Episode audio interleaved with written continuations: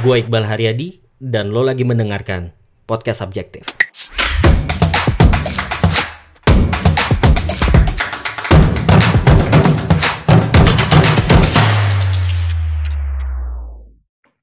Oke, gue pengen lagi pengen uh, bahas tentang sebuah tentang pelajaran-pelajaran dari pengalaman gue bekerja di startup kecil.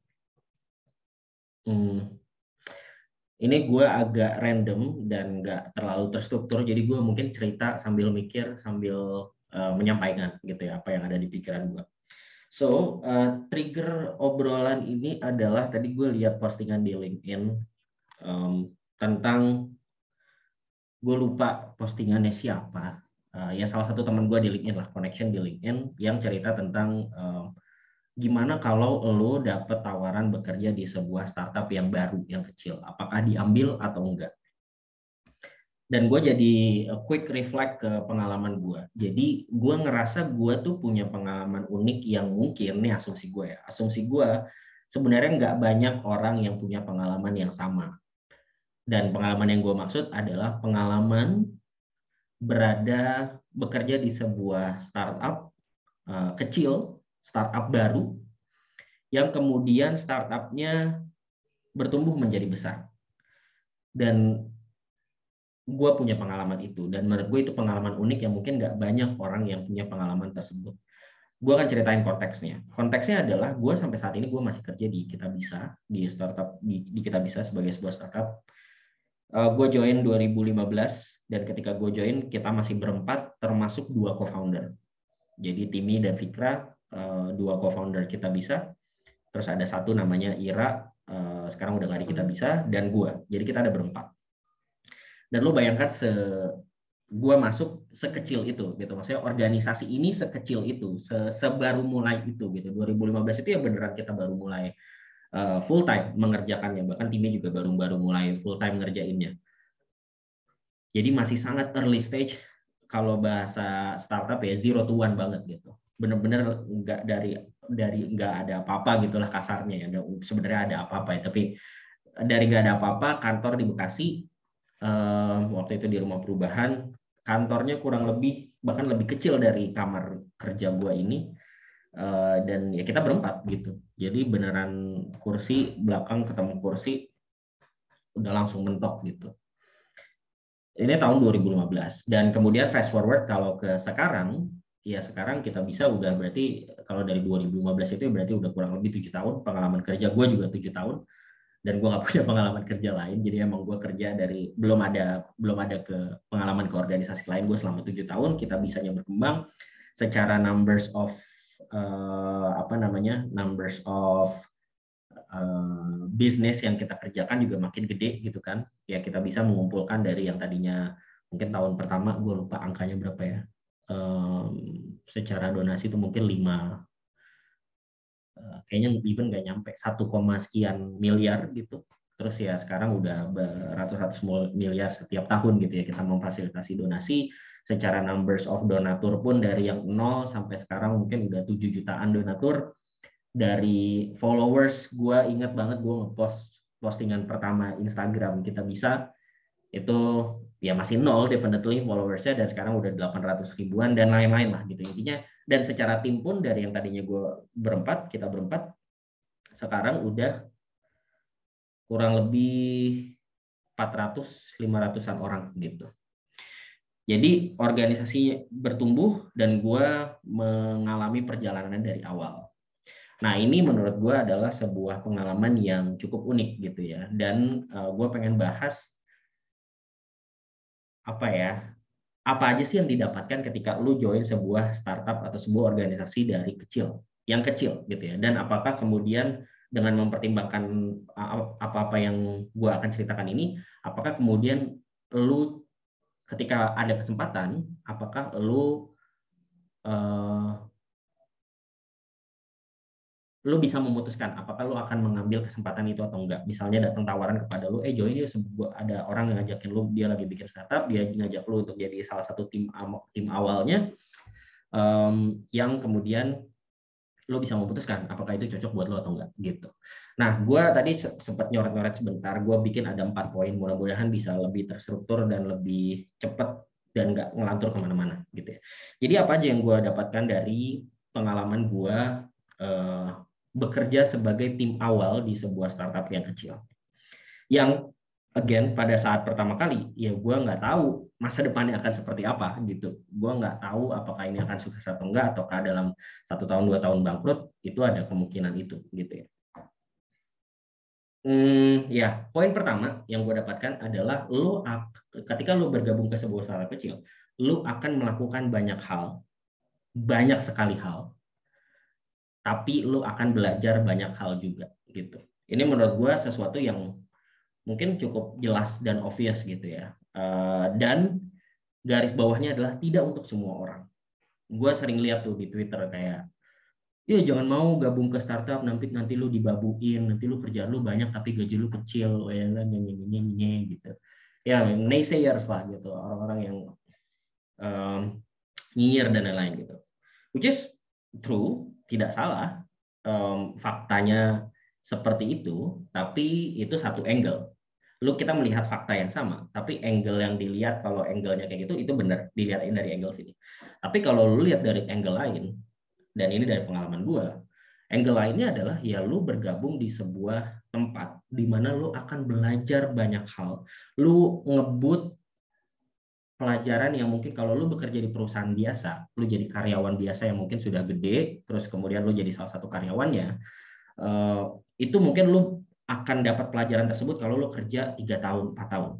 Tapi kalau lo kerja di startup kecil, pelajaran pengalaman 4 tahun itu bisa lo pampatin dalam hanya enam bulan bahkan satu tahun gitu. Satu tahun lo bekerja di startup dengan mengerjakan banyak hal, itu lo mempelajari banyak sekali hal gitu.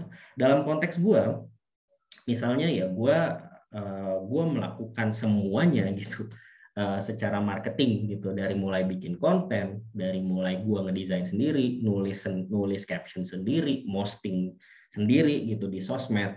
Gua ngelihat analyticsnya sendiri juga dan gak hanya sosmed konten marketing tapi gue juga do the marketing do the sales gitu ya. Gue uh, nyari orang yang kalau konteksnya kita bisa nyari orang yang galang dana pada saat itu masih dikit banget yang tahu kita bisa. Gue ketemu langsung sama one on one sama Eh, orang calon orang yang mau galang dana, gue ngurusin ini itu, gue kontekan sama klien juga, gue yang bahkan ngurusin persuratan juga kalau ada yang perlu di print mungkin gue yang ngeprint juga, eh, bahkan kita pindah kantor dan belanja barang pun ya gue juga yang ngangkut-ngangkut di IKEA gitu waktu itu sama sama sama Timi juga gitu. Jadi intinya adalah um, ya lo akan belajar banyak hal. Uh, satu angle untuk melihatnya adalah ya lu memang lu dibabuin dalam tanda kutip. Oh gajinya cuma segini kok gitu. Tapi lu ngerjain semuanya. Itu angle satu satu angle satu sisi angle. Sisi yang lain ya ini adalah investasi lu gitu. Uh, lu belajar banyak hal dengan benefit yang mungkin belum sesuai tapi selama lu ngerasa satu value dengan apa yang dikerjakan di startup tersebut atau di organisasi tersebut ya lu bisa jalankan itu. Dan itu yang yang terjadi pada gua. Dan eh, ini nyambung ke poin kedua. Apa sih yang didapatkan dari atau apa eh, tadi pertanyaannya apa ya? Apa apa yang bikin lo eh, ya kalau lu join di sebuah startup kecil apa yang akan lo dapatkan itu tadi satu ya lo akan melakukan banyak hal tapi sekaligus lo akan juga belajar banyak hal Uh, yang kedua adalah lo akan merasakan memiliki ownership yang tinggi terhadap organisasi atau perusahaan dan lo memiliki sense of purpose yang tinggi juga, tujuan yang tinggi juga. Gue coba jelaskan. Uh, gue join awal di kita bisa 2015 itu ketika kita bisa nggak punya nama gitu. Ya mungkin pada saat itu lu juga nggak nggak nggak kenal dan nggak tahu. Tapi gue believe sama value-nya. Gue believe sama misinya. Uh, kenapa? Karena salah satunya karena pada saat itu gue udah belajar juga tentang uh, crowdfunding di luar negeri gitu. Gue udah tahu gue udah baca-baca tentang crowdfunding di luar negeri. Gue tahu ada Kickstarter gue tahu ada Indiegogo uh, ya dua itu pada saat itu gitu ya. Jadi sehingga gue nyari waktu itu di Indonesia udah ada atau belum ya? Oh ternyata udah ada kita bisa timnya udah mulai kita bisa tapi ya waktu itu belum full time ngerjain si kita bisanya gitu. Tapi udah ada nih. Tapi uh, itu jadi sesuatu yang ketika gue ngobrol sama Timi gue udah tahu nih uh, kita bisa itu apa crowdfunding itu apa ini arahnya ke mana gue ada bayangan gitu. Dan gue buy in dengan hal tersebut. Dan gue join awalnya karena even sebelum gue lulus ya pas pas gue masuk kuliah. Dan gue join karena ya gue ngerasa ini kayak project BEM aja gitu. Dan gue ngerasa Timi kayak abang-abangan BEM gue di kampus gitu. Agak naif gue akui uh, naif dan gue bersyukur banget gue naif pada saat itu. Gue polos sekali pada saat itu dan gue nggak punya pikiran yang kayak gue abis kerja gue harus gajinya harus tinggi. Gue kayaknya kalau gue uh, apply di eh, ya MT gue gajinya bisa langsung start sekian dan segala macam. Gue nggak kepikiran kayak gitu. Bukan karena gue nggak kepikiran bukan nggak kepikiran bukan karena apa tapi karena gue bego aja karena gue nggak tahu bahwa itu adalah sebuah kemungkinan yang bisa gue dapatkan gitu. Itu adalah sebuah opsi yang bisa gue ambil. Dan gue bersyukur gue bego pada saat itu. Ini saking begonya gue, gue kasih tahu. Saking begonya gue, gue nggak tahu kalau kerja itu, ketika gue udah kerja di kita bisa nih ya, di tahun pertama, gue nggak tahu kalau kerja itu, gue bisa minta cuti. Gue nggak tahu. gue nggak tahu. Itu saking, saking begonya. Dan karena kita kecil ya kita belum ada HR gitu-gitu ya. Jadi ya udah kerja aja gitu. Dan gue pada saat itu tidak merasa terbebani sama sekali karena gue buy in banget dengan value-nya, buy in banget dengan misinya, dengan purpose-nya, dan itu sangat membantu untuk gue kerja kayak kuda lah gitu. Jadi memang, again balik lagi ke yang tadi gue bilang, uh, joining uh, startup yang baru mulai itu tidak untuk semua orang. Dan untuk siapa yang tepat, salah satunya, dan mungkin ini salah satu yang uh, ini faktor yang sangat penting adalah untuk orang-orang yang ngerasa satu value, satu misi, satu purpose sama foundernya atau sama or yang organisasi ini perjuangkan.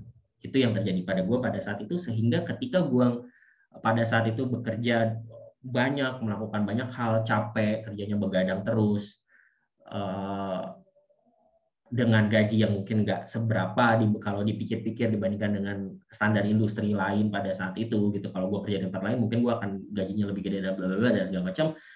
Gue nggak ngerasa keberatan sama sekali. Bahkan gue tetap aja jalaninnya dengan happy. Karena value-nya align banget sama value pribadi gue jadi kalau di uh, kalau lu cari ada buku namanya Blitz Scaling itu uh, penulisnya Reid Hoffman co-foundernya LinkedIn dan veteran di Silicon Valley, ya dia cerita salah satunya adalah kalau lu startup lu masih di bawah 10 orang, maka 10 orang ini adalah orang-orang yang punya alignment value, personal value mereka alignment dengan organization value-nya atau company value-nya itu biasanya 100%, 80 sampai mendekati 100%. Gitu. Sehingga kayak ya hidup gua adalah organisasi ini gitu, hidup gua adalah company ini gitu. Apa yang company ini ingin capai adalah apa yang ingin gue capai juga sebagai seorang individu gitu which is again baik lagi tidak untuk semua orang. Nah, um, itu hal yang penting untuk lo tanyakan gitu ya. Apakah organisasi yang pengen gue join ini startup yang baru ini oke okay lah dia mungkin belum mapan belum ini itu dan segala macam tapi value-nya purpose-nya sesuai nggak sama purpose yang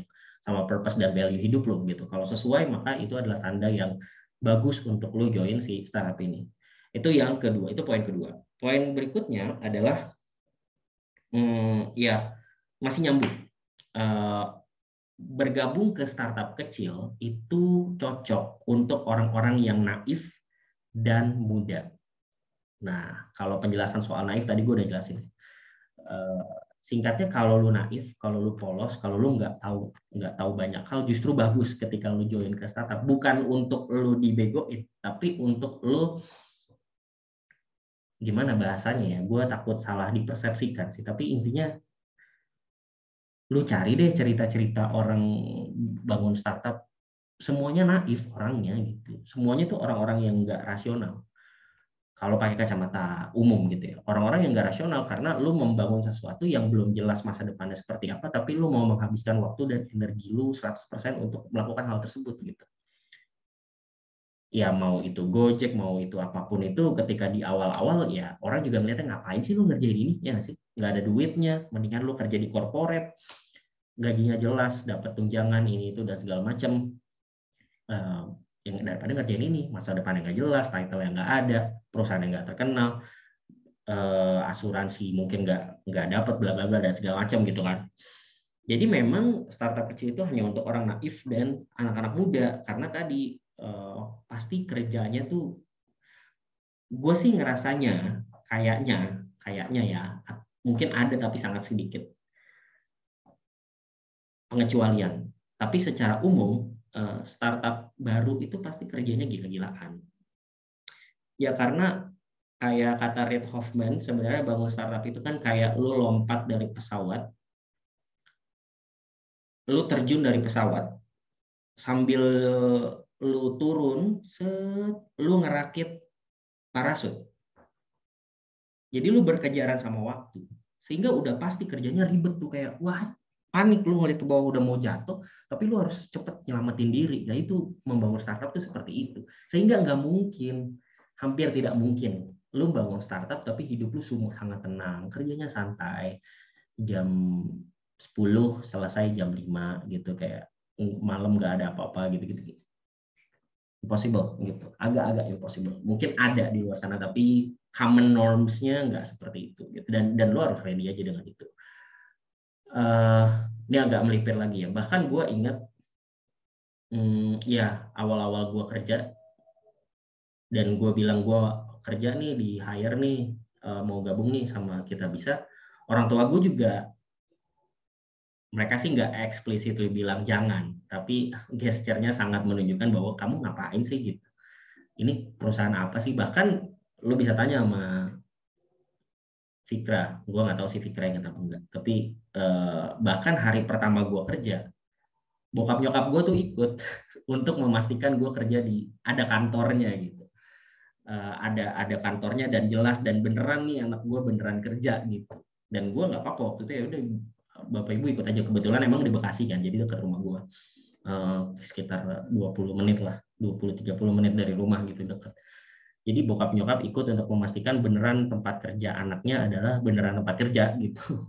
Karena nggak jelas dan nggak bisa dipercaya. Even satu tahun sampai setelah satu tahun berjalan satu sampai dua tahun berjalan gue kerja di kita bisa pun gue masih selalu ditawarin sama bokap nih ada nih buka MT Astra buka manajemen trainee ada bank apa buka manajemen trainee PNS ada buka bla segala macam. Dan ya gue selalu terima aja gue nggak yang nolak nolak juga enggak enggak segala macam. Ya intinya gue pada saat itu ya naif aja ya ini satu saat akan gede kok gitu. Nah ini nih pikiran emang pikiran orang nggak rasional gitu. Jadi makanya tadi gue bilang e, kalau gue sekarang mikir pada saat itu ya bagus sih emang lo goblok aja gitu. Karena kalau lo kalau gue pinter pada saat itu gue mungkin akan anjing nggak jelas nih gue cari kerjaan lain lah gitu.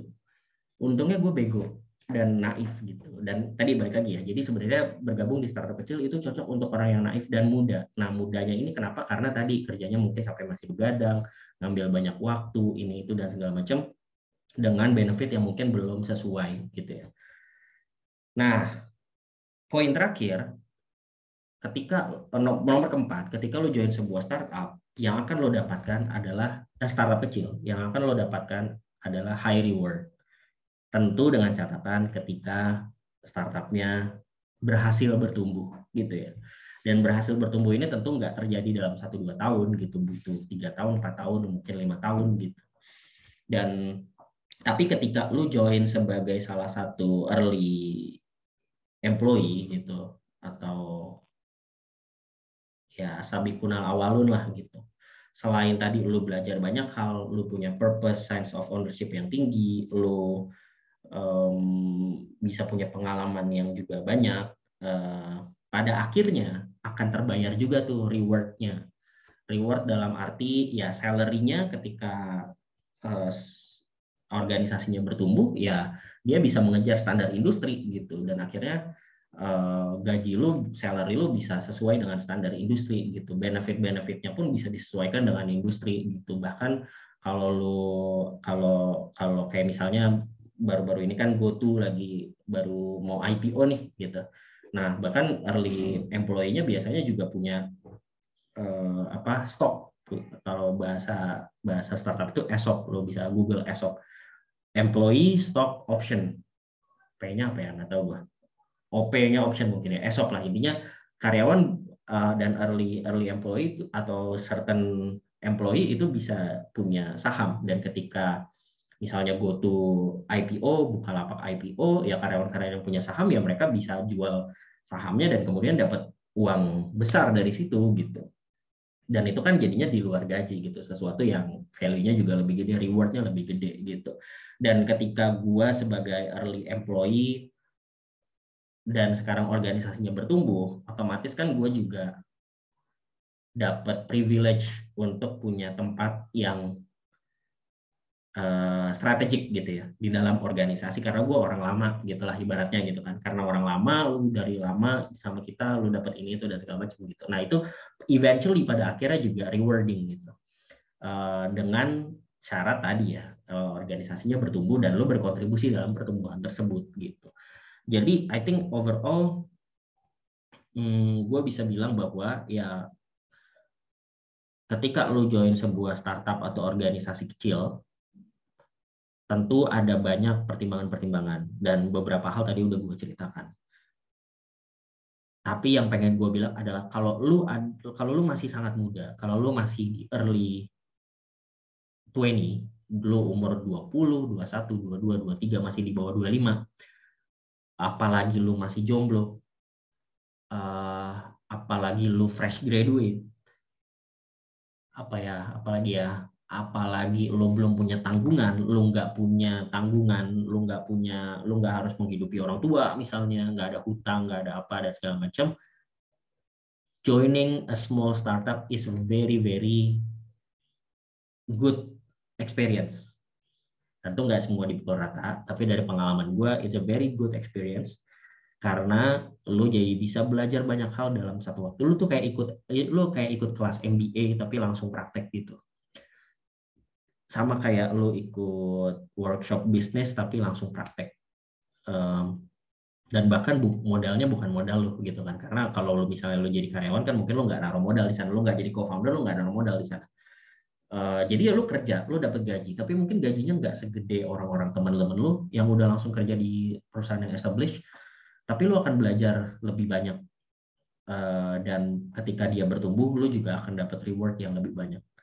Tentu ini satu jalan yang bisa lo pilih. Bisa lo lihat juga ada banyak jalan-jalan lain. Lo mau ikut CPNS lo mau ikut ke perusahaan yang udah established uh, yang udah jelas ini itunya dan segala macam um, tapi buat lo yang mau mencari tantangan mau mencari pengalaman yang menarik sebenarnya ini sesuatu yang bisa lo consider juga gitu